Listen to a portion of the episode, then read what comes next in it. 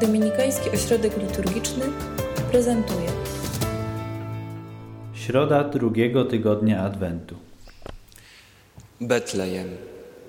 Betlejem to znaczy dom chleba. I to nie przez przypadek. Chrystus właśnie urodził się w tym mieście. E, ten, który kiedyś nakarmi cały świat. Ale to później. Na razie jeszcze nie. Na razie tego chleba brakuje. W Izraelu panuje głód, który zmusza synów Izraela do szukania pożywienia poza granicami ich ojczyzny. Za chlebem trzeba wyruszyć w świat. No cóż, każdy ma swoją Irlandię. Dla Żydów w tym czasie to był Moab. I taki los spotkał Elimeleka, mieszkańca Betlejem, który w poszukiwaniu lepszych warunków porzucił rodzinne okolice i wraz ze swoją żoną, dwoma synami wyruszył do Moabu.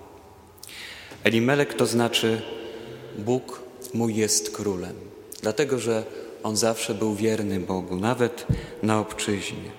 Noemi, jego żona, była zawsze dla niego pocieszeniem. Noemi to znaczy moja słodycz. Zgoła inaczej brzmiały imiona obu synów, które wcale nie wróżyły im długiego życia.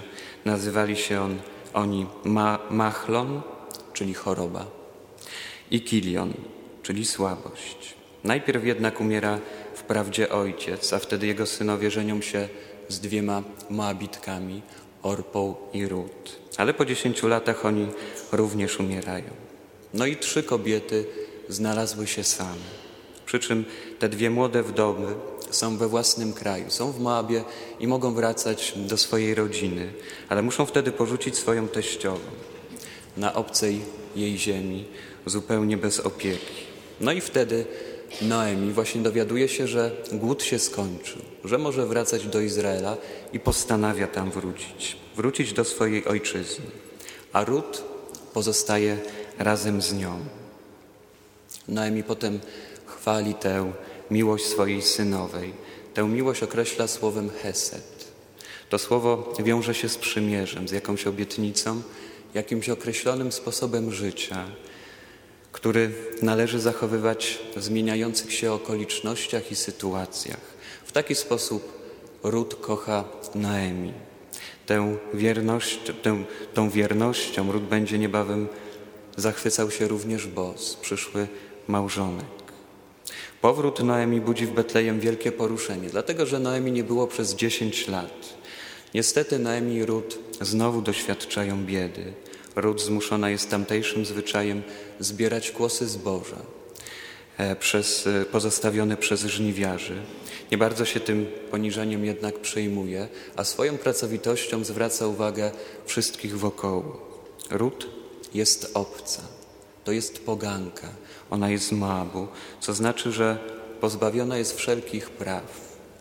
Bos, zamożny właściciel pola, na którym pracuje Ród, darzy ją jednak bardzo dużą życzliwością. Tłumaczy on Ród, że słyszał z wielu ust o jej wielkiej miłości do teściowej, e, zaraz po śmierci właśnie teścia i swojej synowej, kiedy, e, kiedy została sama. I potem okazuje się, że Boz jest ich krewny, mającym wobec ród prawo wykupu. Jest tak, zwany, tak zwanym Goelem. A Goel to jest najbliższy krewny, który powinien interweniować wszędzie tam, gdzie są zagrożone interesy innego członka jego rodziny, żyjącego albo zmarłego. No i właśnie Boz, bliski krewny Elimeleka, był takim właśnie Goelem dla Rut. Jeżeli zmarły nie pozostawił potomstwa, no to jego Goel, tutaj właśnie Bos, powinien poślubić wdowę. Tak więc Bos po różnych jeszcze perypetiach w końcu poślubił Rut. Nie wiem, czy jeszcze jesteście ze mną, czy się nie zgubiliście w tych historiach rodzinnych i różnych koligacjach. E, ale ważne są wnioski. Jeżeli ktoś już się zgubił, to warto teraz wrócić. Czego możemy się nauczyć z tej historii? Chciałbym zwrócić Waszą uwagę na Boza. Po pierwsze, Boz to znaczy człowiek wybitny i silny. Człowiek, który w sobie ma moc. I on taki był. On zdawał sobie z tego sprawę. On znał swoją wartość. Jeżeli może Wy odnajdujecie, nie wiem, w jakiejś dziedzinie swojego życia, właśnie taką moc, taką siłę. Posiadacie może jakąś wiedzę większą od innych, rozpoznajecie swoje talenty. To bądźcie pewni, że ktoś będzie potrzebował tej siły. Bądźcie pewni, że będzie potrzebował jej ktoś, kto jej nie ma, ktoś słaby, i że to, co posiadacie, te wasze talenty, zdolności, tą waszą siłę i moc, że to, jest, że to nie jest bez znaczenia, że to ma komuś służyć. Ktoś będzie potrzebował tej siły, tak jak Rud jej potrzebowała. I można tę siłę wykorzystać przeciwko drugiemu człowiekowi, albo służyć nią tylko sobie i sobą się zajmować, ale można również jak bos podnieść i wzmocnić.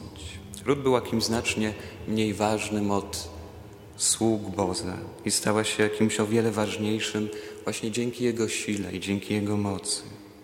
Wokół Was są ludzie słabi, są ludzie poniżani, naprawdę są, których można podnieść, których można wzmocnić. I naprawdę nieprzypadkowo jesteśmy tak inni, tak z różnych światów, ponieważ my siebie potrzebujemy. Każdy z nas potrzebuje kogoś, kogoś silniejszego od nas. To po pierwsze. Po drugie, sprawiając jakiś, jakiś, jakiś gest dobroci, nie, wie, nie wiemy, jak wielkie owoce przyniesie kiedyś ten gest, jak wielkie owoce ten gest może przynieść. Bos to był pradziadek największego króla Izraela, Dawida. W tym świecie jest jakiś łańcuch dobra, on naprawdę jest, który może trochę nie wiemy, jak działa, ale kiedyś przyjdzie taki moment, że się dowiemy. Dowiemy się o każdym dobru, które rozpoczęliśmy w naszym życiu. Niestety dowiemy się też o każdym złu, które rozpoczęliśmy, ale to dopiero na końcu świata. Tym się będziemy martwić później. Teraz warto zwrócić uwagę na to, co w nas jest silnego, co jest mocnego i skupić się na dobru. To po drugie.